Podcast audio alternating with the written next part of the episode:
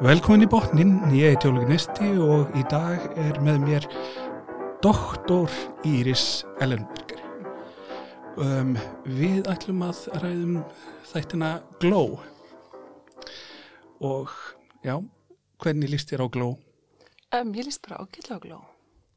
Uh, Tengi alveg, alveg frekar stert, stert við þá, um, bara vegna þess að svona, þeir gerast á svona tíma þar sem ég var svona kannski 10 ára, 8 til 10 ára og alveg tengi mjög stert við hárspreyið, hérna, st stífu vangina sem þeir eru með hérna og alls konar eitthvað svona smátriða svona eitthvað sem ég tengi, tengi alveg, alveg mjög, mjög stert við sko. Þetta er svona, já, alveg svona nákvæmlega, það er svona úr æskumanns án þess að vera eh, svona endilega, eh, svona mikil skopstæling og er ofta á svona nýjund áratunum. Svona, það er ve- verið vissulega að taka hann alveg fyrir en ekki verið að bara til að gera grín. Nei, alls ekki, sko, eða það kannski svona e, í fyrsta sísunni þá kannski svona er, er meira grín uh, heldur en síðan verður þegar svona líður á um, og náttúrulega fullt af alls konar svona slapstick bröndurum, sko. Uh, náttúrulega býður upp á það, uh, þetta er fjall, þetta er fjallar um fjölbræða glímu, þannig að það er ekki við öðru að búast heldur en það sé alls konar, Hef, alls konar grín. hef, hefur þú einhvern tíðan hort á fjölbræða glímu? Nefnilega, sko, það er, var líka ástæðan fyrir því að hérna, ég bara um leiði frétta sem þetta, þá verður bara, ok, þetta er eitthvað sem ég þarf að horfa á, að það er hérna, sérst, ég var í bandaríkunum, fór tviðsætti bandaríkina þegar ég var svona 8-9 ára, sem er svona á svipum tíma og þessi þetta er að gerast og það er náttúrulega satt maður inn á mótelum og var að, var að horfa á alls konar í sjónvarpinu og meðal annars fjölbræðgrimu og mann eftir að hafa verið bara ekki skilið einhvern veginn hvað var í gangi og svo einhvern tímann áttaði ég má því að þetta væri í rauninni bara eh, leikur frekar en íþrótt og var bara hvað er í gangi hérna? Þetta er ekki einu svona alvöru glíma einhvern veginn algjörlega hérna já, var það svolítið svona heitluð af fyrirbærinu náttúrulega í kjölfærið þetta þetta er náttúrulega stórkostætt fyrirbæri þannig að það náttúrulega spilt ekki fyrir þegar það var allt innu fréttist af einhverjum hérna einhverjum eh, sjónvastætti sem átti að fjalla um sérst, The Gorgeous Ladies of Wrestling og þá náttúrulega strax ákvaði ég að tjekka á þessu um leðu þetta kom út. Já. Sko ég kannast ekkit við fjölbræða glímu. Ég vissi þú veist hver Hulk Hogan var og hann að Jesse Ventura því að hann var síðan ríkistjóri. Já, því að það er rosalega góð hugmynd að velja fólk þannig. Hann, en þannig að ég, ég kannast ekkit við. Ég held að svona, þeir sem eru yngre en við kannast kannski meira við þetta og líka bara af því að það verður gerðið tölvuleikir um þessa. Já, um mitt. Já, Þess vegna- ég er ekki mikið í Nei. fjölbræðaglífu tölvuleikjum. Nei, ekki heldur. Ég bara rak mig á þetta þegar ég vann í skóla. Það voru krakkar þarna sem konnuðist við ykkur að glímu kappa sko. Af, Já, og þá held ég að miklu fe, me, fe, meira út af tölvuleikjunum heldur en það hefur verið að horfa á þetta. En þetta er náttúrulega skemmtilegt hvernig að spila saman svona, svona hva, hvað er álfur og hvað er... nefnilega. Nefnilega, sko. Og hérna, og það er alltaf líka tekið mjög skemmtilega fyrir í þáttunum, sko, svona, sérst, hvernig þetta sjó er búið til og líka, sko, e, þetta með að gæta öryggis, að gæta öryggi performerana, e, hvernig er á að gera, gera þessa, þessi glímubröð án þess að fólk meiði sig, sem að var mjög áhugaverð insýn inn í, inn í þennan heim fjölbræða glímunar, svona, þegar maður hafði séð þetta bara svona í sjónvarpinu á einhverju mótelherbyggi í Flórida, sko. Já, ég man nefnilega alltaf eftir Andre, Andre the Giant, hann náttúrulega í þessu. Já? Ég held að hann hafi farið svo tíla með skrokkin sinn af því að vera í þessu. Af því að þú getur náttúrulega gert þetta eins örugt og mögulegt en þetta er alltaf átök á líkamann. Mhm. En hann var svo sem, það er erfitt að vera eh, svona risastór og Mhm. það er ekki bara það að hann hafi verið fjölbaraðið klíma. Nei, ummitt. Það er náttúrulega líka kannski tekið svolítið fyrir í þessum þáttum ummitt hvað þetta gerir fyrir líkamann, sérstaklega að fólk fyrir eldast Já. og hérna er ekki lengur eins og fimmt og það var. Já, ein persóna sem lendir í svona ákveðnum átökum, þannig að er svona erfiðlega komið út af, þarna, þessum átökum. Já, þetta tala um hérna Temei. Já. Já, einmitt. Hún er svona elsti, örgulega elst, elsti í hópnum. En það er alltaf skemmtild í þessum þætti, ég hef ekki gert það en ég held að þannig að ef maður myndi taka svona Bechtel próf á þessa þætti Mhm. þá feng, fengjum við aldrei þarna tvo karla að tala um eitthvað annað heldur en Þetta er konur. já, Nei, kannski ekki. Ég veit ekki, mögulega hérna Bess og Sam, kannski, ég, ég er alltaf að tala um þannig það er þannig glí, glímin já, já, mögulega, sko. Hérna, já, það kannski gerir þeir það, en það er þó ekki, það gerist náttúrulega ekki, ekki oft þá, vantarlega, sko. Þetta, það er, mér finnst það bara svo frábær svona, þú veist, Já. ég vona að það sé satt bara til þess að svona, ta taka svona akkurat snúa norminu algjörlega við já, þetta standast Bechtel-prófið, en þá greinlega hérna, falla á einhverju öðru prófi sem Já, er, sem einhverjir þannig að MRA þannig að Já. þú veist, þannig að svona en sjáu þið í gló við erum fórnalöfin í raun og veru. Alveg örglega einhverju sem eru búin að taka þetta, sko, það er ekki nógu góð representasjón á, á körlum. ekki erfið heldur en vera gegginniður hvítur Nei. kalmaður sko. ég veit það. Svo rosalega erfið Þetta er náttúrulega líka það sem við gerum þess að þetta svona, uh, já, einhvern veginn áhugaverða og skemmtilega er að þarna er svo mikil einhvern veginn representasjón á konum uh, og líka alls konar konum um, þó að það séu þannig að tvær kakkin hefðar kannski hvítar uh, sem eru í, hérna, eru í uh, forgrunni. Þá samt sem að þá eru með þetta eru hvað allavega 10-12 uh, konur sem eru þessi glímukappar sem að, að þátturinn snýst um. Og hérna og svo eru náttúrulega alls konar það er alls konar fólk sem er líka kemur einhvern veginn inn í þessa þætti. Þannig að þetta er mjög svona þetta er svona hvernig konur eru síndar einhvern veginn hangir ekki á einhverjum svona einhver einni eða einhverjum tveimur konum þannig að það er rosa mikil breytt Já. sem að, að svona gerir þess að þetta allavega mínum að þetta áhugaverða og skemmtilega Já, það er ekki bara svona að þú hefur þú hefur svona karl, svona, svona karl og svona karl og síðan hefur konu Já. eins og að það sé svona típa karakter Já. þannig að svona meðan að karlar hafa svona a- Já, allan skalan. Einmitt, einmitt. Eða þá eina hvítakonu og eina svartakonu eða, já, en já, það er náttúrulega það er þarna í aðlutum þannig að Alison Brie hún náttúrulega leki í einum mínum uppáhaldstáttum sem Er community. Já, leikunni Já. og leik líka matmenn að það ekki? Jú, já, ég mælti um það en það sem ég var stásamt þegar ég var að horfa þetta, ég var sko alveg búin að heyra hún leki í þessu. Mm -hmm. en ég var búin að horfa á dálítið mikið að held ég fyrsta þættinum áður en ég að já, þetta er alveg svona brí af því að hún það er líka svona í hana madmen og hún er ekkert þú veist, hún er svo gjör ólík því sem að hún er í community þar sem að já, hún er frábær leikona já, einmitt, það tók mér líka heilanga tíma bara hvar hef ég séð þessi mannski áður? Hvar hef ég séð hann áður, í, í matmenn verið að viðkjöna að ég mjög langt sín ég horfið á community. Það var hann bara alveg í byrjun svo hætti ég að horfa á, hef ekki horfið á já. bara ræði hvað þau gerir við þessu upplýsingar. En hana Betty Gilpin, ég hefði svo sem ekki séð hana í mörgu áður ekki segja kannaðist við. ekki heldur sko. En Ég hún, hefði bara lesið eitthvað viðtal við hana þar sem að við myndum að tala um þennan þátt sko þá mitt svona maður að hún var eitthvað að verða þekkt á þessum tíma þegar þættinni byrjuði en hún er alltaf mjög góð sem Liberty Bell.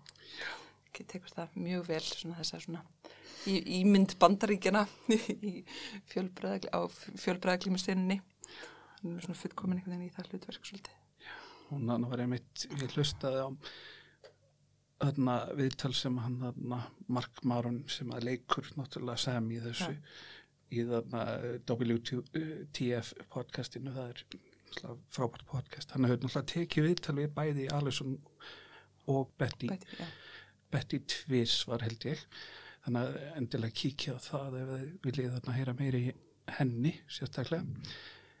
En þarna já, hún var bara að lýsa því hvernig hún hafði svona einhvern veginn do, dottið út því svona verið svona svona fyrst og fremst sem kynbomba í svona nokkur ára og síðan var hún komin í að le, leika mömmunar Já, mjög stuttuglöggi sem að konu hafa til þess að hérna til það er þess að alltaf, já, talandi með þannig konu það er alltaf Gina Davis kemur þannig í þrýja Já. þáttaröfinni kemur sterkinn var alveg leikur þarna hérna þessi, þessi, þessi, þessi fjölbreðagrýmar færist fyrir til Vegas og fer inn á svona hérna á hérna verið svona e, svona sjó inn á uh, svona inn í kasínói og það, það er hérna hún leikur konuna sem að, rekur það kasínó og er hérna er mjög skemmtileg að sjá, sjána þarna. Á þetta hérna st stórkostlega innkomu í hérna bara í jólaþættinum.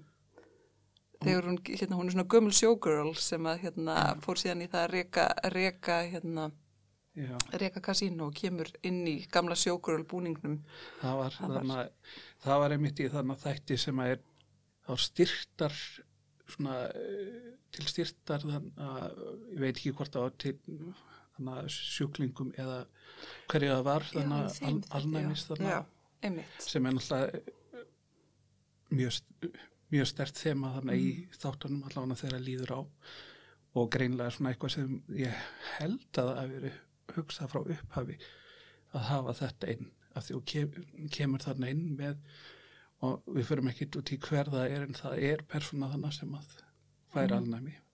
Og þá bara fáum við inn þetta svona hvernig þetta var svona 80 eitthvað í bandaríkjörnum og á Íslandandi eins og við sáum í nýlum heimildar þáttum þar sem að var verið að fjalla um þetta þar sem að var bara það þyrti að það þyrti bara sóttrein mm -hmm. eftir að þarna ykkur með alnæmi hefði verið þar Einmitt.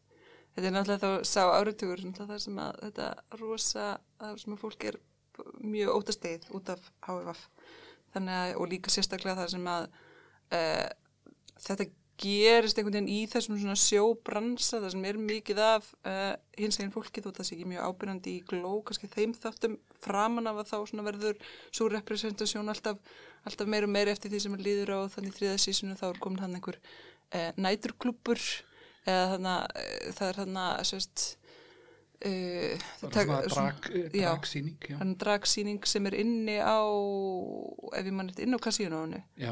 já og það er þannig sem að hérna, þessi hópur að, að, aðvar persóna kemst inn í kontakt við, við uh, sérst, þá senu og þá er það náttúrulega einhvern veginn það er ekki hægt að skrifa það inn án þess að, að einhvern veginn HVF sé þannig að Já. kannski stór, stór þáttur ég, ég, ég man alltaf eftir þessum tí- tíma, ég man þarna sko ég man, e- man alltaf eftir svona eitthvað tíðan þá kom þarna svo, en á Íslandi í sjóarpinu eitthvað það var eitthvað nemynda hátíð þar sem að menn voru að þarna, leggja áherslu á nöðsinn smokksins og ég var svona sex ára og ég var mjög ringlaður af því að ég hefði einhvern veginn ákveðið að smokkur verið að sama og drullursokkur svona, eða svona Já, einmitt. Ég trúi því að það var, hafi verið, hafi verið confusing. Já, ég man líka mjög vel eftir þessum eftir hérna gömlu smokka herrferðinni uh, og þannig að auðlýsingunni þar sem allir voru eitthvað að einhverju grínustar að leika sem er smokka og halda. og, hérna, og, svona plakati. og síðan svona einhver svona rillings samfara svona auglýsing mannst þetta er henni, hún var sínd það var, hérna fjólubláa auðlýsingin. já, Já. það voru líka til einhverju svona innkaupapókar svona á sa- sama tíma sem voru með svona, ég veit ekki hvort það voru seldast í styrstar þetta var mjög ringlandi þegar maður var þú veist, að það svona, kannski svona aðeins svona aðeins farin að smetla svona eitthvað svona varðið í kynlífi og þá var það svona bara svona alnæmi. Já, djöldauði. já, Já, einmitt. Já, ég man vel eftir hérna, man vel eftir þeir, þeirri auðlýsingu, einmitt, og svo var ég að garfa í þessu, hérna garfa í, hérna, e, í skjálasafni samtökunum 78 um daginn, um, maður sé náttúrulega sakfræðingur og það er það sem við gerum, við garfum í skjálasafnum og þá e, eru svona, e, þau heldur vel til haga öllum svona útklippum og allt sem að, hérna tengdist hins eginn fólki og tengdist samtökunum. Og þá var, sérst, voru úrklippur úr blöðunum af, sérst, sérst, prentauglýsingunni, þessari fjólubláu, sem að sé svona bak á vannisku naginni og þetta er svona mjög, mjög órætt en, en þótti mikið legt á sínum tíma. Og það er, sérst, hún, þetta var í tveimur inntökum vegna þess að á öðru inntökinu þá hafði, sérst, þá hafði líka myndi verið kliftir út úr auglýsingunni. Já. Þannig að það var bara, maður sá bara sérst pappirinn, bara blaðpappirinn, þar sem að, að, að líkamennir hefði átt að vera. Nú nöktu e, tveir kallmanns líkamar en samt var mjög svona, maður þurfti að rýna virkilega vel í þetta til þess að sjá að það var einhvern veginn tveir kallmanns líkamar. Þannig að hérna, það er, einmitt, maður tengir svolítið stert við svona þessar hræðslu og líka bara svona tefruskap varðandi va- varðandi þessa, þessa hluti. Já, mér, mér fann svona eins og öll kynfræðisla mín þegar ég þann aldur, það hefur bara verið meira og minna um hvernig maður ætti ekki að fá alnæmi. Já, einmitt, eða annars konar sjúkdóma, það var Já, mjög svona, alnæmi fyrst og fremst. Það hitt, hitt svona fekk að það er svona, já, það er ekki mikið það- svona sex positivity í gangi í kynfræslunni á okkar, okkar Já, ég veit ekki hvað það er. árum. En þarna, já, talandi um það sem fólk vissi ekki, ég man eftir þegar ég var svo mikil kvínatand og svo en dó Fred í mörkri Já, og þá var svona umræðan, þú veist, ég var í sjönda bekk. Og síðan rétt eftir að Freddy, eða rétt áður en að Freddy og þá var Magic Johnson, hann hann að listi ef hann væri með hann að eh, veri veirusíktu, en þarna hann, þá heyrði, þá hann að sagði eitt þarna bekkjarfélagi minn í sinni frábæri visku, hann hann að útskýri fyrir mér að það væri, sko, alnæmi væri bara fyrir homma og Magic Johnson hefði bara fengið alnæmi af því hann svaf hjá lesbíu. já. Svo Em, stjartfræðilega villus. Þetta var bara, það, svo, svona var þetta, eins og ég segi, það var kannski bara eins gott að við fórum síðan vel og vannlega yfir þetta kynfræðslu Já. næsta ári. Einmitt, Alveg ræðilegt. einmitt. En þetta er náttúrulega einmitt tekið fyrir í náttúrulega þáttunum.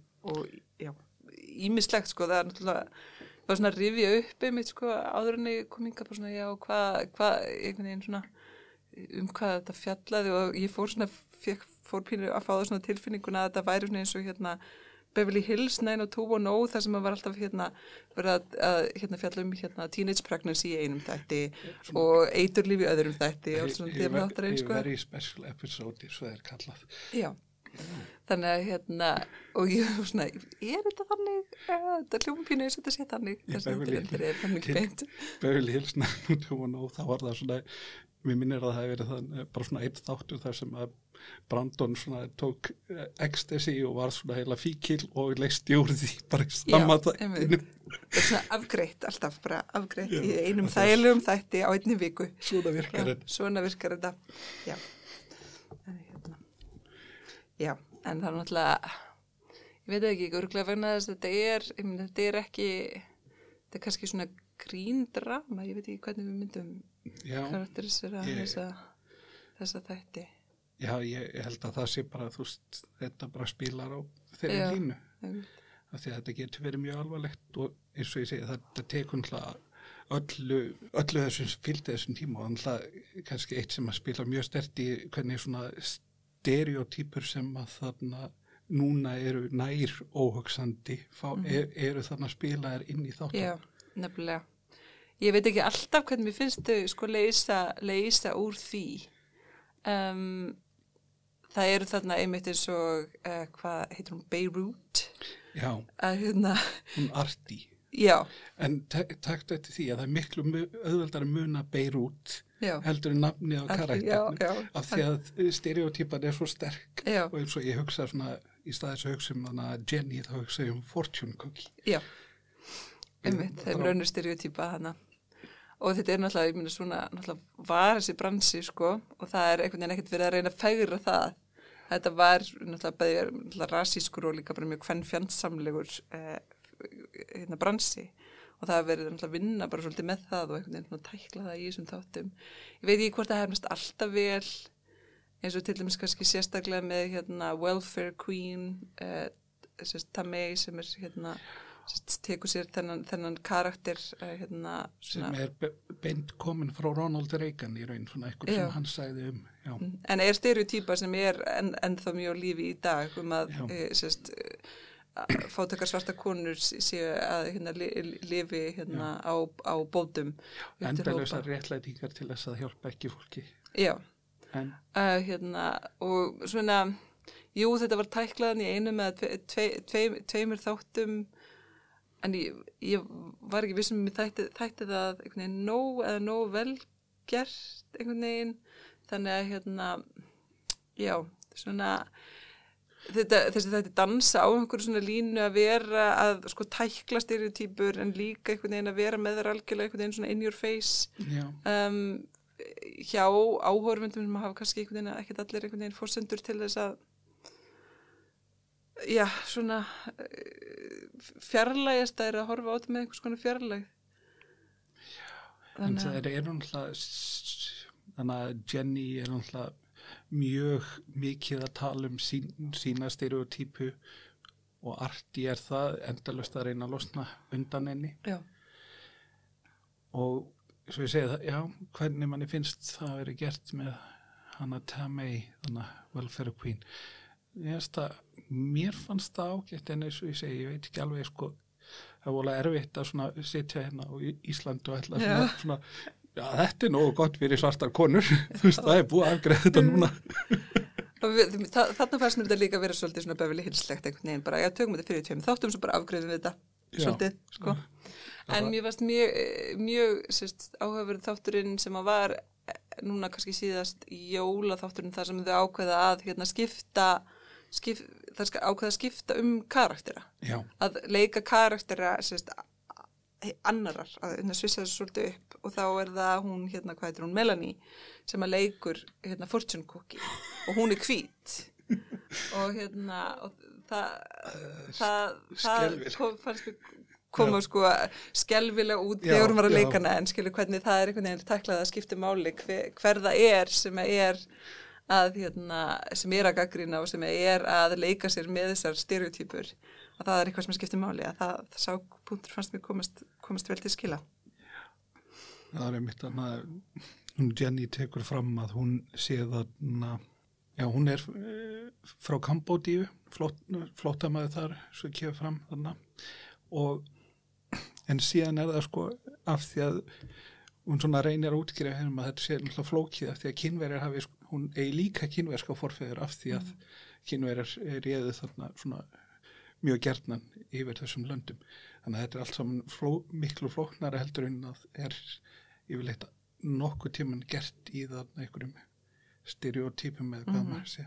nefnilega sko þannig að svona, það er, ímislegt sem sem er, sem er vel, vel gert um, það er kannski svona það sem að kannski kemur í veg fyrir að maður er einhvern veginn svona eða svona allavega gerir það verka mig ég er stundum pínu svona skeptisk á sko hvernig uh, hvort að þetta sé vel gert eða ekki að það er náttúrulega að þess, þeir kartari sem að þessir þættir snú, snúast mjög mikið um að þeir eru hvítir og mér sýnist framleiðendunir verið flestum tilfellum uh, hvítir uh, og meðal annars hérna Genji Kohan sem að, að framleiði líka Orange is the New Black þar sem Já. er mjög svipað í gangi að þetta er stórhópur af konum sem því það, það er hægt að einhvern veginn vera með alls konar alls konar karaktera sem hafa alls konar, alls konar bakgrunn og alls konar uh, kynneður og alls konar uh, húðlit en samt sem aður þá eru alltaf aðal karakterinni hvítir og snúast í kringum, kring, þetta snýst svolítið í kring, kringum þá. En það sem að gerist sko aftur á móti gló er að sko í New Black að þá kannski í svona fjóðasísunni var ég orðin bara að býta hva, hvað er ég eiginlega að horfa á og fannst þér sko, fannst fyrsta sísunum gott að síðan þetta alveg svolítið mikið en það sem ég finnst með gló er að sko, mér finnst þér vera að batna eftir því sem álýður og þeir takast á við í rauninni kannski flóknari og flóknari uh, málumni. Mér finnst uh, síðasti þátturinn einmitt í síða sísunni það sem að, uh, maður veit kannski ekki spóla en hérna, það sem að það er búið að svona Það deyja öll, já.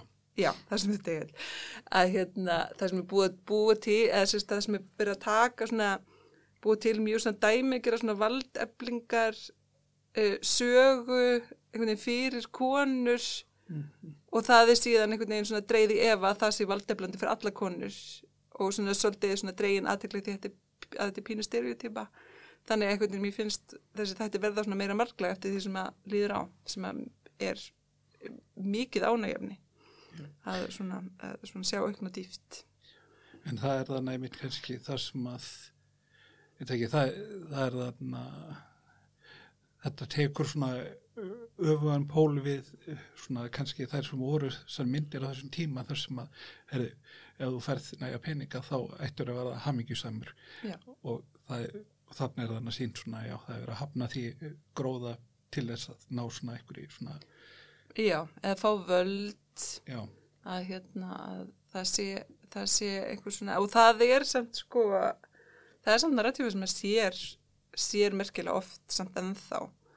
Að það að hérna að sagt það sé eitt og sér valdeblandi að komast í einhverja komast nær glerþakkinu eða ná að brjó- brjóta glerþakkið uh, og mér fannst, fannst það mjög hressandi að sjá hvernig þessi þættir einhvern veginn svolítið grófi undan undan þeirri, þeirri narratífi En það var þarna, já, í, í þarna þriðu seríu þá var þarna, þá er þarna uh, samband og þar sem er svona inn, fer svona þess að ræ, ræðum það hver mikið þannig þær fara að ræða hver miklu skiptir máli að vera svona í raun svona alveg svona yfirlist út úr skápnum mm -hmm.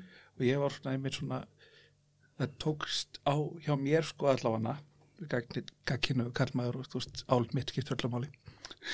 Svolítið þarna þar sem að þarna sko annars vegar svona frelsi til þess að bara þú veist þurfa ekki að vera svona taka afstöðu með því sem maður er bara að vera maður sjálfur og svona ekki endilega setja merki með en svona um leið svona hálf svona pólitísk nöðsinn þess að taka af, afstöðu þannig fannst þér Mér fannst kannski ekki nógu vel spilað úr, því með kannski svona það fyrir sjóna með þess að hún sko í rauninni þar þannig að stofna til sambands sérst, og uh, að því er svolítið svona sérst, einmitt veit ekki hvernig hún á að merkja sig og hvort hún vilja merkja sig og eða sérst, eitthvað þannig sko. Í rauninni svona er, er það einhvern veginn efast um að hún hafi einhvers konar identitet, einhvers svona hins egin identitet og svona reyna að finna út úr þessu og mér fannst það kannski svona full sko þessar, þessar samræða voru áhugaverðar en það var svolítið svona full, full snuppot, snuppot afgreitt. Mér hefði þótt gaman kannski sjá svona meiri dýft með því að kannski svona e, bjóð upp á einhverju möguleikum og var í tvíkin eða skilur eitthvað þannig. En hérna en það náttúrulega kannski svolítið það sem ég gerist á þessum tíma var náttúrulega að eina identiteti sem fólk hafði var að vera skilur lesbía, það var kannski það einn sem var í bóði þannig að það voru margir sem kannski stukka á það. Þannig að, að, að því leiti þá er þetta kannski svona akkurat sérst, hvernig þetta er, er svona í takt við uh, tíð, tíðarandan. Ég hefði kannski viljað sjá aðeins svona aðeins meiri núansa þar. En samt, samt sem að það eru náttúrulega áhugaverðar uh, áhugaverðar samræður og umræður um, kannski sérstaklega á þessum tíma þá er það orðið svona þetta svona lesbíska identitet orðið að stabiliserað og hérna og svona ef maður horfður út frá, frá, sögulu, frá sögulegum sjón, sjónarhóli að þá veginn, fannst, fann, fannst mér þetta einhvern veginn áhugavert mörguleiti og svona já, verður að velja verður já, að velja. já, svolítið. Ég held að það, það hafi líka verið svolítið hérna, já, svona svolítið stemmingin á þessum tíma. Ég líka var hérna að lesa svolítið mikið af hérna e, tímaritsgreinum íslenskum sérst, frá 1980 eitthvað 90 eitthvað. Og þá er hérna sem sagt e, mjög oft talað um sérst, konurnar sem að hérna eiga í samböndum við konur og en fara svo og hérna sérst, og eiga sérst, kannski eiga í langtæma samböndum með kallmönnum og það er alltaf e, tólkað sem svona konur sem að þú er ekki að koma út sem að þú eru ekki verið sjálfur sér samkvæmar og svona í dag að þá maður svona já, býtu en voru það kannski tvíkinniðar konur mm. þannig að það er einmitt svolítið svona, svolítið stemmingin sko, annarkvort þetta er annarkvort eða um. en það er náttúrulega, já svona eins og þetta var þá að þú varst tvíkinnur þá var svona náttúrulega miklu auðvöldara samfélagslega síðan að svona bara svona ákveða að fara svona, já ég ætla bara að giftast kall, kallmanni og fara í það sem að samfélagið hefur svona ef þú varst svona bæði. Uh, Mögulega en svo náttúrulega líka sko hefur maður heyrt að þær sem að sérst, eru tvíkinniðar og voru, voru tvíkinniðar á þessum tíma að þá um leið að það voru kominir saman með konu og þá var, voru þær sko leipurlegar lesbjur og hérna og einhvern veginn átti erfitt að komast undan þeim merkjum með það líka menn að það bara í hugum fólks að það var ekki til til neitt þriði er sem náttúrulega í, í dag hljómar, hljómar skringilega en já, þú er, já, þetta hljóma alltaf skýringilega en þú veist, kynsti mér þess að var með skala. já, Það var ekkert sko, þú ert svona eða svona. nei, Ek, ekki Ah. svona, að, þú, þú ert einhvern þar á skalinu og fáir svona fullkomlega. Þannig að, já, það er mjög orð að spá þetta. Þú veist, ég man alltaf, veist, ég hef alltaf bara tekið eftir sem með Freydi Mörkiri, hvað er svona eftir á að hann hafi ekki verið nógu góður sem svona samkynnikt ækon af því að hann þannig kom aldrei svona svona, þeim fannst hann ekki hafa komið nógu almennilega út úr skápnum. nei, nei þessu náttúrulega hérna, já en náttúrulega bara um leið og samt sko hann hérna náttúrulega það, það er fréttir bárust að hann hérna hafi dá, dáður hafa vaff að þá einhvern veginn var hann bara leipulaðar homi og það er ekki fyrir bara svona nýlega einhvern veginn sem að sér að það sé að fara aðeins svona Það er, sko, þessi Svona- spurning er alltaf rosalega flókin af því að það er sko, þetta er sko byggt svona, ef við viljum tala um fræðmörkir og geti gert það endalust, sko. já, það, það er sko, þetta er fyrst, sko, hann var þarna í sambandi við konu, kom síðan úr skápnum og svona virtist vera meira og minna bara með karlmönnum, en síðan er ein svona leikona sem í fram að þau hefðu átt í sambandi, sambandi. og það er svona stóra sko margir í kringum hann hamna því að alveg að hann hafi nokkuð tíðan verið með henni. En þarna, já. Já, en hann var náttúrulega sko sko frá Freddi var þetta náttúrulega bara augljóslega að fóreldra hans voru strángtrúaðir í trúabröðum sem að gútt eru þetta ekki. Þannig að hann kom með þarna þannig að mannin sinn bara heim til þeirra og kyn- kynnt hann sem vin eða sem starfsmann eða eitthvað. Og sí- síðan eru það allir brjálæðir þegar hann skrifaði þarna eh, maður hans þannig skrifaði þarna bók nokkrum árum eftir að Freddi dó. Og það sem kom fram að þeir hefðu nú sofið saman. Og það var svona látið þess að það hefði alveg hræðilega lýsingar sem var bara svona var þetta allt mjög svona ljúft og svona fallegt. Það er ekki, ekkert sem að myndi svona sem að við látum tröfla okkur í dag nei. En það er náttúrulega ég, þú getur haldið langræður um fréttimerki merkir ég og þá get ég haldið langræður um sko hvernig hérna alveg bara í mjög lengi að þá var bara það eitt bara sam, samkynna kynlíf það eitt var obscene eða skilur, það þótti Það- það var náttúrulega- það það, var, það hægt að í að því að svona, hann hefði nú kannski fengið alnæmi af því að hann hefði svo í kallmennum. Það að svona, hann hafi átt ljúft tilfinninga og kynlíf með kallmanni, það var það, er, það er bara of mikið sko. Já, næstu svona auðveldar að þarna tala um eitthvað tala um svona eitthvað svona þannig að svona einhver skyndi kynni heldur um svona að það sé svona eitthvað ástarsamband þannig á bakvið. Já, það er náttúrulega það í rauninni það sem mann náttúrulega samkynnið voru náttúrulega stimplaði sem bara með brókarsótt og ek- ekkert annað sko. já, Þannig að hérna, ég get læ- lærðar ræðu um, já, já, um það, Já, en kannski skal sleppum við núna. Í, öðrum, í öðrum þætti. en já, þetta náttúrulega ég hlustaði nýlega á upptöka blaðamannum fundi þar sem að blaðafulltrúi Ronald Reagan fekk spurningu um alnæmi. Og það var bara hleyið að spurningunni fyrst. Og blaðafulltrúin svara eila með að gefa til kynna að blaðamannu sem spurði hafi bara verið hommið sjálfur. Já, já, og það hefur ekki elst mjög, elst mjög, mjög vel fyrir þá sem voru þarna þannig að vist að þetta hefur bara svona ha ha ha, þú ert hommi. En svona já, var þetta. Svona var þetta. já. Um, já, síðan er þetta náttúrulega veist, þetta klassiska sem var náttúrulega mjög nýjunda ártjús þannig að konur og ferillin og fjölskyldan Mhm. það er stórt þema í þáttunum Já, og náttúrulega fyrst við erum með svona margar konur þá er hægt að taka það út frá alls konar, alls konar uh, sjónhóli. Hann er karakter sem að uh, vill ekki hérna gefa upp ferilin til að eignast börn sem er náttúrulega það sem að var og er ennþá náttúrulega sem eitthvað sem að hefur mjög áhuga, mikil áhrif á feril kvenna í svona kallægum greinum uh, og líka náttúrulega þar sem er svona útlitsdýrkunin er Já, það er alltaf líka sko. Og hérna einmitt maður heyri það bara enn þann dag í dag hjá tónlistakonum þær lýsa því hvað það hvað hlutinni verður það verður náttúrulega alltaf flóknar að eignast börn en ef þú ætlar að skilur að e, að hérna gíka á kvöldin og ætlar að túra og badn og þá er það það er það en, en, en þann dag í dag náttúrulega talsinn mikið flækistig Já, Þannig að, hérna- kallarnir já, e- eignast börn bara hér og þar og allstaðar og all, það er ekki eitthvað sem þeir eru mikið að pæla í hvort það er eignast börn eða ekki sko. akkurat, hvað, hvað á Mick Jagger mörg börn sem við vitum að Ah. við hefur það eitthvað hann að uh, Nei, líklega hvað er oft, ætla hann hafi skipt um Ha, hvað heldur hann hafi oft skipt um leiðu og öllum þessum börnum sín Það er örgulega aldrei. Já, ég, ég, ég ímyndi mér ekki að hann hafi mjög oft skipt um bleiðu. En það er náttúrulega líka eins og náttúrulega Betty, að hún á barn, uh, sérst, í Já. upphafið Já, þáttana. De Debbie Já. Be- Betty leikona. Betty, Debbie, þetta er aðeins og, aðeins og líkt.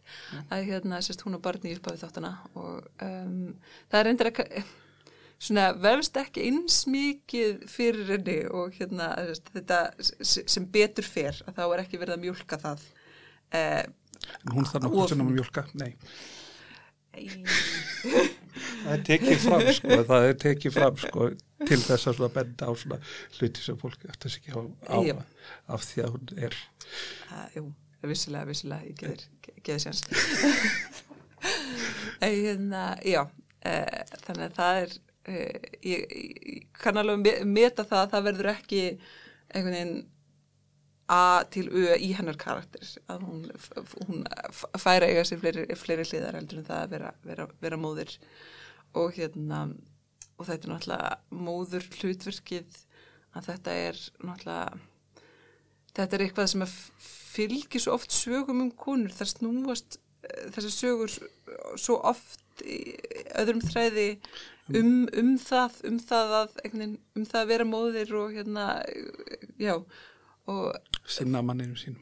E, já, eh, samt oftar að sinna börnunum já, sínum já, sko. þetta. Að það verður hérna það er það er mjög sko, það er svona maður, maður verður alveg svona pínu þreytt orðin pínu þreyttur á þessu, bara ge- geta sögur um konur ekki fjallað um eitthvað annað öðrum þræði.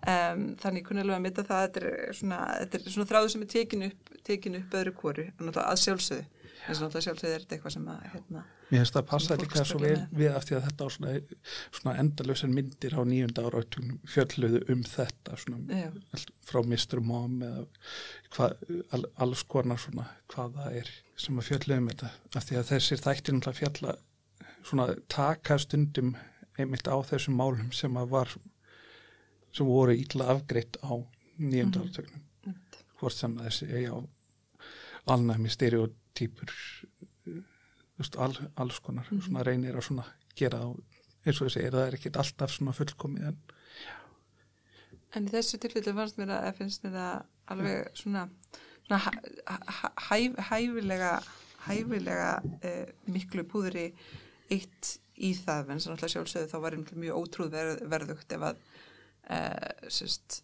ef að það væri ekki ykkvað sem að í rauninni einkendi líf Debbie og það er hún ábarn og hún er að reyna að eiga sér feril í í bransa sem er mjög óbarnvætt og þarf síðan að eða löngum stundu, stundum frá, frá, frá barninu sínu í samfélagi sem að sko metur virði hvenna svo mikið eftir því uh, hvernig mæður þar eru þannig að hérna, það fær svona hæ, hæ, hæ, hæfilegan sess finnst, finnst mér allavega. Þetta er náttúrulega svona, svona nýlega komið þarna og þannig að nýjum törnum í bandaríkjum svona yfir höfuð svona hvort sem það er bara að vera útífinnandi og líka bara skilnaður var svona, það var ekki fyrir uh, komst það þá Ronald Reagan sem að hana gerði, gerði þarna skilna auðveldar í Kaliforni á sínum tíma sem að er ekki, ekki ímyndin sem að hefur verið selda á hann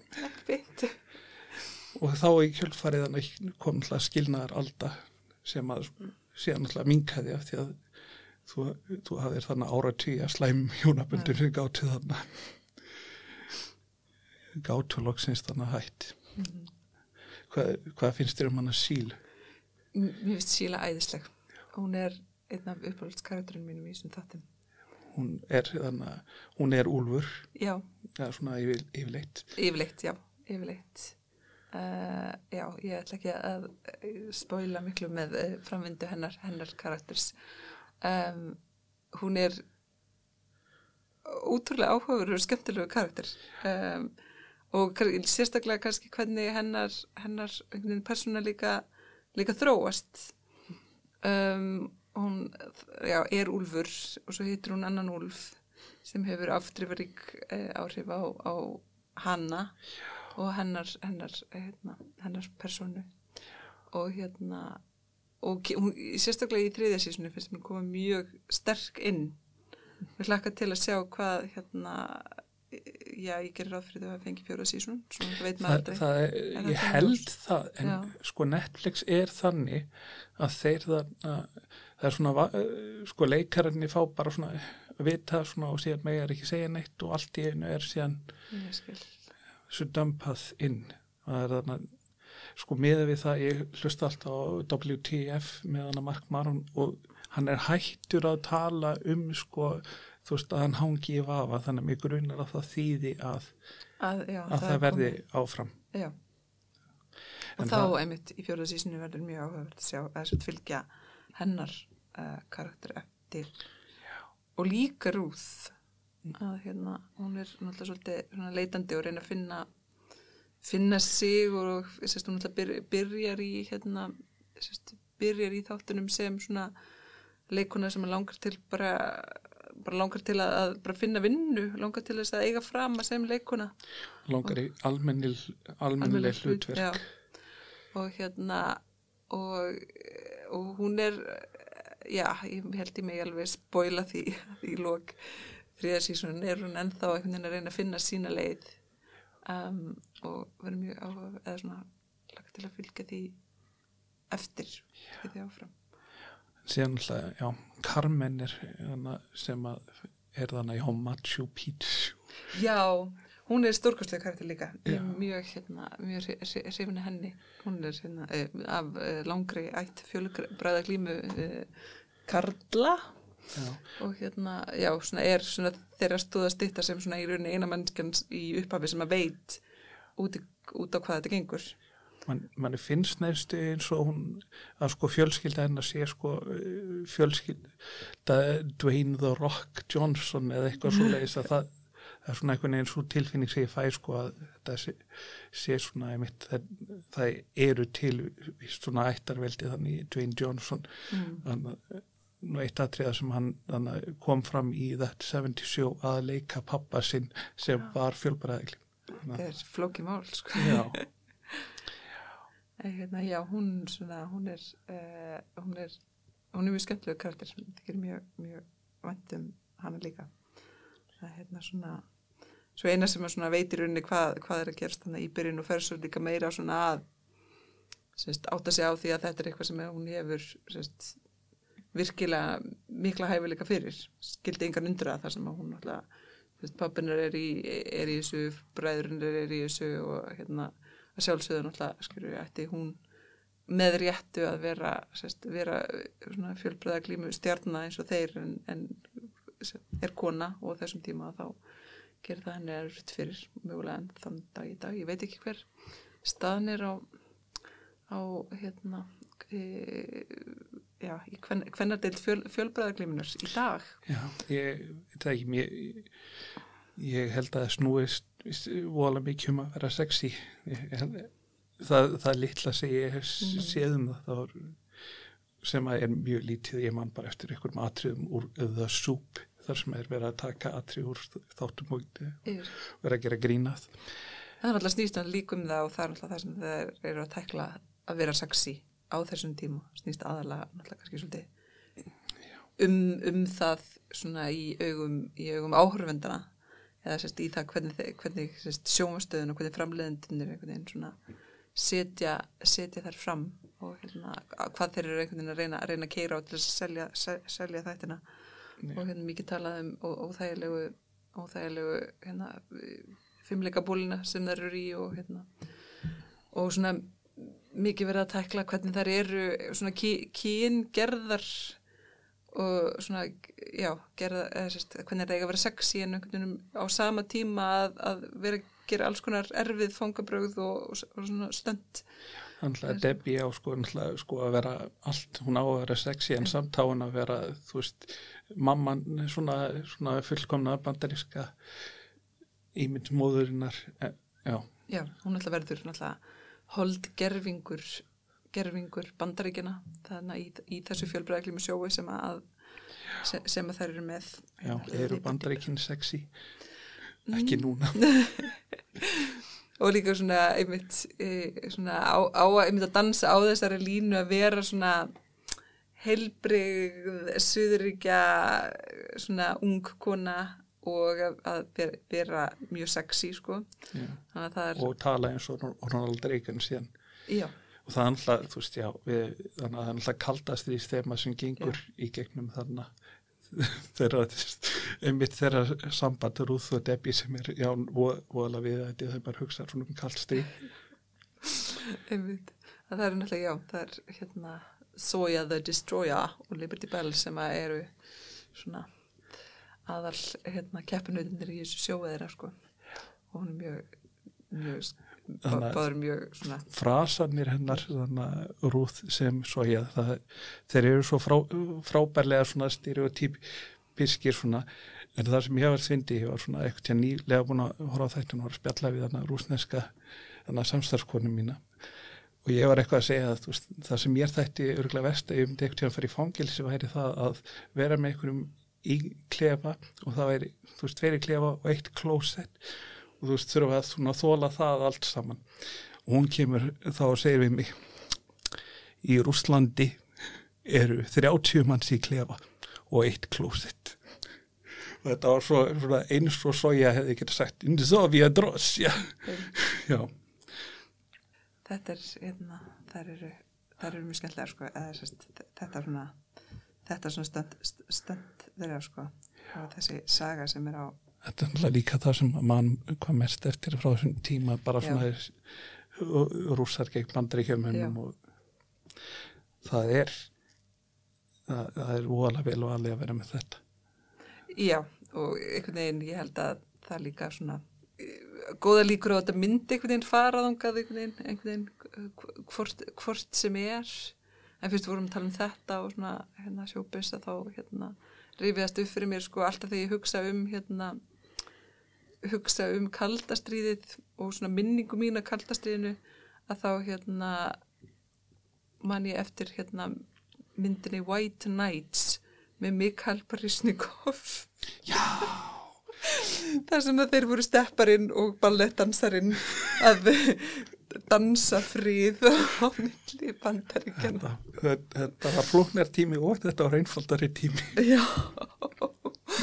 Æ, hérna, hún kemur alltaf upp í hugan ég sé hana bara í þetta eina skipti því ég var tíu ára eða eitthvað en samt sem að kemur hún alltaf upp í hugan þessi, þessi, þessi mynd mjög já. hérna mjög hérna svona skilur Eh, skildi greiðilega mikið eftir sig. Mér langar, langar ekki til að sjá hann eftir ég held, ég, ég held hún sér hæðileg það er náttúrulega magna það sem allan svona ég man eftir að sé hann og þá var það bara af því að veist, það var ekkit annað eftir að gera eftir að horfa það sem var í sjór já, línulega dagskræn, ekkit annað búið já.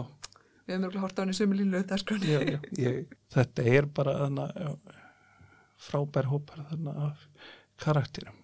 Já, mér finnst líka hérna uh, Justine svolítið skemmtilegur svona skemmtilegt sagt, uh, uppábrödd, hún gengur til liðs við hérna sem, sagt, uh, sem er unglingurinn. sem er unglingurinn, gengur til liðs við flokkin og henn reyðinist síðan já, uh, hafa annað mót, hafa annað hafa, já, annað markmið heldur já, við vil, vil stopna til sambands við orð, orðum það þannig. Já þegar þið sjáu það Já, Justine, alltaf, þú veist líka hún er þannig, kemur þannig einu svona með, með þetta pöngkara element Já. og þannig að kærastan sem er í pöngljónsveit Já, hún er pizzarsendilinn og svona, æ, ræð, ræðilegt hún er líka mjög mikið svona úlinga attitút eitthvað já, leikur þetta mjög vel. Já, ég veit ekki alveg ég, hún er einmitt svona, næ, ég veit ekki hvað hún er gömul leikon, hún næra að vera svona einmitt á einhvern svona óræðum aldrei svona, þú veist, spila sér stundum sem svona mm -hmm. fullorði, eða svona fullordnari heldur hún er og stundum sem svona stundum þannig að hleypur hún og orð unglingunum í gegn eins og náttúrulega unglingar eru svona mjög, mjög reglulega mm -hmm. leika fullorðna. Já, reynir að sambandið mömmunar og allt það þetta er þetta er frábært. Þetta er alveg góðið þættir. Er, er þetta að segja það?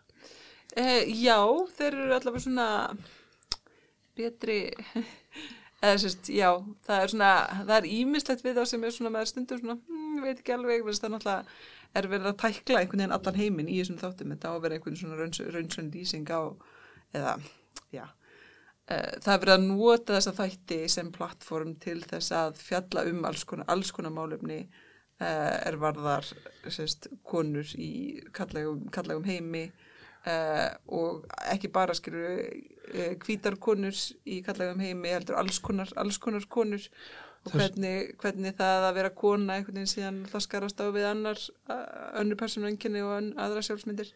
Þess vegna finnst mér svo gott einmitt þannig með Bechtel-prófi þetta, ég, mér, lang, veist, ég, mér langar svo að bara horfa alltaf í gegn að sjá hvort það er Já, alltaf einhver hafi ekki gert það? Það hlýtur einhver að hafa gert það. Þetta er og eins og ég segi kannski ykkur til þess að væli yfir því. Mögulega, mögulega. Já. En já, ég, ég ætla að nefna að Gina Davis mér minnir hún hafi nýlega gert heimildamindum þannig að stöðu kannar í Hollywood. Já. Það er þannig eitthvað sem að endilega kikiði á sem hlustið og þú líka.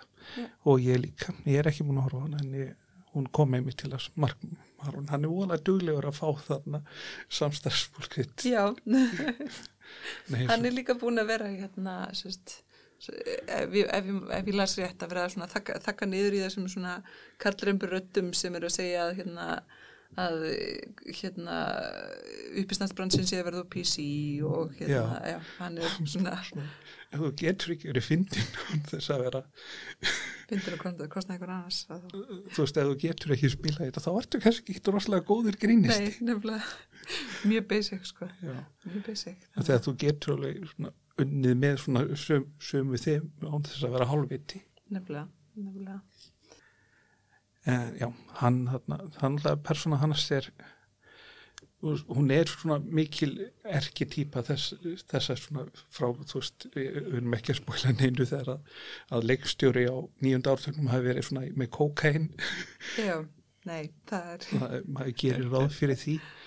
Já, hann er svona fulltrúi fulltrúi svona kallsins í krísu sem að er einhvern veginn svona þungamiðjan í mjög mörgum mörgum hérna bíomundum og, og sjónstáttum þannig að það fari bara eitt svona kalli, kalli krísu sem að svona, jú, hann er frekar stort, stort utverk en þó ekki kannski aðalutverk. Nei, hann er líka svo mikið skilgreindur af samböndum sínum við konu Já. sem að er eins og ég segi, sem að spilar inn í þess að mm. skemmtilegana bektil. Það er reyndar, ég held samt mögulega þarna í uppafið þegar þeir eru að hérna, sérst, koma, koma þessum þætti, sjónastætti, fjörbrækli með þætti fótinn þá, þá mögulega gæti hafa, gætu hafa átt sér stað einhver samtöl þar sem þeir eru bara að tala um einhverja valdamöglu kalla. Já, Já. En hann náttúrulega bæs, bæs hann, hann er hann náttúrulega skemmtilega og það sem ég bara nefnaði hann að svo sem leikur mammans, Elizabeth Perkins það er voðalega skemmtileg þannig að er sem sagt karakterin hennar Birdie Howard mm -hmm. hún, hún er alveg frá frábær og svona og, og samspilt þeirra. Já, það gerir sér grein fyrir því að hérna, svona, hún er já, alltaf reyna að hafa taumhald á, á sinunum sem er mjög gert ná að eða, uh, ættar ættar uh, fjennu og svona niður, dreifaði hinga nið, á þókar niður, niður söður dósa við æfunum niður söður dósa við æfunum já. Já, já, já. eins og segja þannig að hann Sam Silvia hann, hann er náttúrulega sko Karl er að rempa svona, en hann er ekki svona hræðilegast. Og þegar það kemur inn í þarna Me Too svona þegar það er að fjalla svona svolítið um það þar sem er svona minn, hvernig það er svona sínt í þáttunum minni rosalega mikið á svona hvernig Harvey Weinstein var þannig að Mm. svona hvernig uh, gerði svona samverkamenn sína samseka með því að Já. fá þá til þess að svona til þess að minka svona tortrygnina og síðan það er þannig að vel gert en Sam kemur svona einhvern veginn þú veist, hann er kannski svona hann sefur kannski hjá hana ótelkonum og er svona ekki með frábært svona samband sjálfur svona varðandi það að eiga í ná þannig í kynlífssambandi við eina hana leikonuna hann þarna er ekki svona hræðilegi, hræðilegi svona Harfi Weinstein Nei, hann er svona, hann á að vera svona gó, en bara við en- eigum að einhvern veginn fílan og halda með honum sem er svona, en já, akkurat. Það er þarna en hann er á sko hvað maður hvað mann er að finnast um hann, ég veit það ekki. En hann er náttúrulega þannig að hann er svona, hann er að læ, læra. Já, hann, hann, hann, vext líka eins og svona flesti karakterinnar í þessum, í þessum þáttum sko. já og kemst að því að það er ábyrg sem, ábyrg sem fylgir því að vera endalust að sofa hjá konum Já, hann kemst að því. En hérna, já, ég, svona, ég, ég veit ekki alveg hvað mér á að finna, finnast, finnast um hann, sko, ég, hérna, hann náttúrulega á að fara ógislega í tögunar á manni, en maður er samt líka einhvern veginn að hafa saman með hann um og fíla hann, sko, og hérna, svona, ég veit ekki alveg, svona, með, með það, einhvern veginn svona það trygg að vera alltaf einhvern veginn að uh, sjá svona það er svo mikið að því að, að það sé verið að halda því að okkur við eigum að sjá mennskuna í, einmitt, í karlrömbunum og í, sérst, í, þe í þessum karakterum og meðan sko það er svona aðrir hópar sem eru kannski svona siftir, siftir mennskunni ítrekkað þannig að svona ah, ég veit ekki alveg. En hérna, já þannig að hann er, hann er En það er nöðsöld hafa og það er nöðsöldlegt samt líka að hann sé ekki fullkomin, að hann sé ekki spilaður sem svona eini góði nefnilega. sinnar kynnslóðar sem að ég held að veri verra. Já, það náttúrulega hefði verið, verið algjörlega í sko, úrtakti við hérna, bara í rauninni það sem vera í gangi á þessum tíma sko, Ekki, það hafa það verið góð, góðir gæjar, held, þú veist það að það akkurat hann sé- tilheri því sko sem Mhm. að var.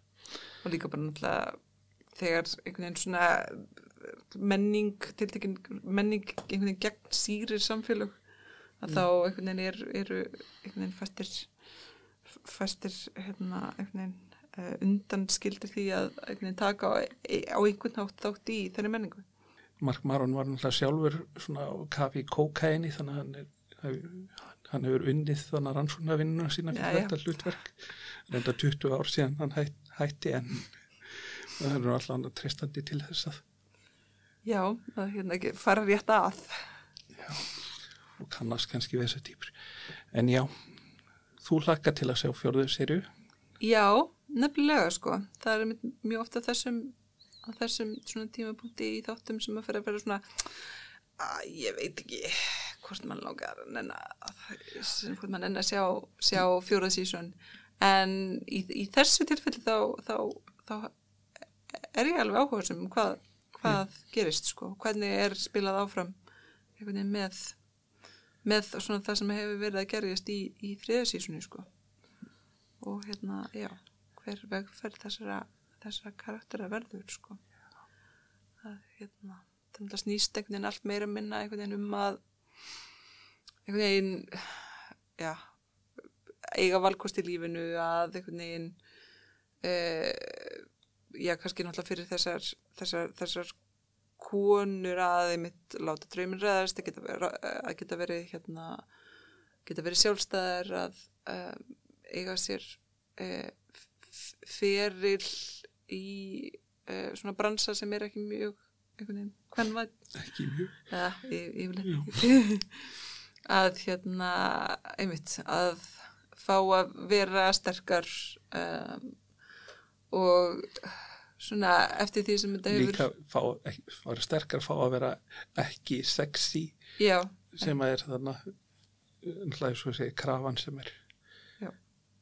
ef þú ert ekki í bylinn, þú finna konan þá átt þú að vera. sexy konan Já. og einhvern veginn, já uh, svona það er allavega það sem ég myndi svona, svona telja verið kannski svona megin þema einhvern veginn þessar þátt að það er þessi leit að í rauninni einhvers konar einhvers konar einhvern veginn leið í gegnum lífið á einhvern veginn eigin fórsendum um, og það svo leið getur verið alls konar sem er, mér finnst einmitt uh, mjög svona uh, það sem er eitt af því sem mér finnst svona áhugavert, áhugaverast við þessa þætti og skemmtilegast við þessa þætti að draga það fram að það er ekki einhver, einhver, einhver ein formúla heldur er þetta ól, bara personubundið ólíkt og einhvern veginn, já eins og ég segi, þá er þetta svona, svona kynslu og hvenna sem að svona var ekkit endilega svona, vi- vissi ekkit endilega að þeirra framtíð væri svona með valkostum svona eins og varð. Af því að þær heldu að kannski bara svona að já, þú hefur þessa vegferð, þú annað giftist, þú eignast börn Mhm. Og þannig að þær, þess vegna eru þær svona sérstaklega svona að reyna að kannski svona öðru fyrir þær að leysa úr því heldur en fyrir en kynslu sem kemur þar sem að er svona næstum því sjálfgefið að þú hafir á allkosti. Mm En það kemur náttúrulega einhvern veginn berlega ljó, ljós samt á leiðinni að það eru alls konar það eru alls konar hindranir og það er svona alltaf verið að reyna að þrönga þeim í Já, einhver já. ákveðin bóks eða það er alltaf ekkert alveg búið í dag heldur, ég ætla ekki að segja það Þannig að það, já, það er svona kannski það sem að svona dregur mig að þessum þáttum sko og heldur mér við heldur mér við efnið. Að ef þetta hefði verið í rauninni svona bara áfram, áframhaldandi eins og var í, var, var, var í byrjun sko. Það sem að er einhvern veginn mest áherslan á að koma, koma þessum þáttum og í, í, á koppin og læra einhvern veginn e, fjölbræða glímuna og einhvern veginn láta þetta ganga upp og, og, og láta þetta gerast að einhvern veginn hefði, hefði verið áfram að hjakka í þeim hjólförum að þá er ég ekki vissum ég hefði svona eh, svona, já haldið áfram að horfa en Já. svo eh, einhvern veginn virðist þetta vera núna a- í áttina kannski einhver svona aðra átt sem ég finnst uh, þessi virði að svona fylgjast með. Og voru þetta sé að fara eitthvað eh, fa- fara eitthvað áhugavert og skemmtilegt. Ég á náttúrulega svo erfitt með að hætta að horfa á þætti það er svona, Já. ég, ég, ég er vonlegs með það, það þetta er svona bara eins og að hætta í sambandi ég er Já, ég er miskunnalaus Ég er bara, ef þetta er komið út í einhverju vitleysu að þá bara Já, hætti ég, ég er engar en kannski ke, kemur þetta kannski kemur kannski náður eftir töfurunum já, ég, ég já, langar að vita hvað þetta fólk endar. Já ég er ekki ég, köld og viskunarleg já, já, í Ég- sambandi þínu við gerfi fólk. Í sambandi mínu við gerfi fólk, já. Uh, algjörlega, sko. Það er, ég uh, ef mér liðist að þá að þá segi ég unsubscribe Já, algjörlega. Hvaða, hvaða þætti voru það sem voru að fá? Voru að fá, þá, ég, langar til að segja minni, eh, það, það, ég var að hætta með einum þætti. Það bara ekki hvað þáttu það var, sko, miskunnarleis. Það bara, eftir þrjú sísón, það bara, you're dead to me. Það er bara þannig, það bara búið spil já. já, já. en já, um, þá held ég að na, þakka þið fyrir komuna og ég hveit, það verið gaman að fá þig eitthvað til aftur og það verið gaman ef þú myndir endur skoða sambandslitt þín við hana community og Mögulega. Veist svona andum community. já, eh, Já, na, já. Fyrst, að, fyr- fyr- fyrst að Ég- hérna það ríðast upp fyrir mér að Alison Brie er í community að þá hún- kannski, þá kannski gef ég þessi hún annan hætti séns. aldrei í community það voru nokkri leikara sem dutt út þannig að erfiðir í vegferð en Alison Brie held í gegn og, Já, já, já, já. og svo all, eins og ég segi, það er líka bara gaman að sjá hvað hún allt öðru sér heldur í gló Já, hún er, hún er frábær leikuna, sko. Það er alveg, ég mynd, mann er mjög vel eftir nýmatmenn og það var, já, mikil umbreyting sem á sér stað, sko. en já, þakka þið fyrir komuna um, ég ætlaði að spyrja þig, þannig að vissur þú að það er til kom kommentakerfið 2 Já, ég hafði frétt því á, á Facebook. það er þannig að frá þeim sama og gerði hver myndi Já, einmitt. Herri, við erum vinnur á Facebook, einmitt, ég og Já, þessi, já. þessi ónefndi gaur. já, var ég nokkuð ónaðaði of mikið með, plöggi. En já, uh, kommentarkerfið 2 er komið í búðir, endilega kíkja á það. Ef þið viljið styrkja þennan þátt sérstaklega, þá getið fara á áskrift.botnin.is heimasíðan okkar er botnin.is síðan getið bara hlusta á podcasti þar sem þið viljið og Spotify, Podcast Addict og meira þess að einhverju svona í Apple sem ég þekki ekki meira til. Hvað, hvað notar þú til þess að hlusta á podcast? Hlustar um ekki á podcast? Um, nei, ég hlusta, ég tek svona æði, Já, það sem ég hlusta mjög mikið á podcast og svo ekki neitt og ég, þetta hefur lungum, lungum tala hjá mér. já, En þá nota ég vennilega podcast addict. já. Þótt ég sé ekki podcast addict. greinilega. Gerist áskrifuðu styrki þáttinn kaupið kommentarkerfið 2, kaupið hver myndi hvað nýbrendun þá næstu uppselt. Og góðar stundir við bara heyrumst þá næsta förstu dag þakka áhernina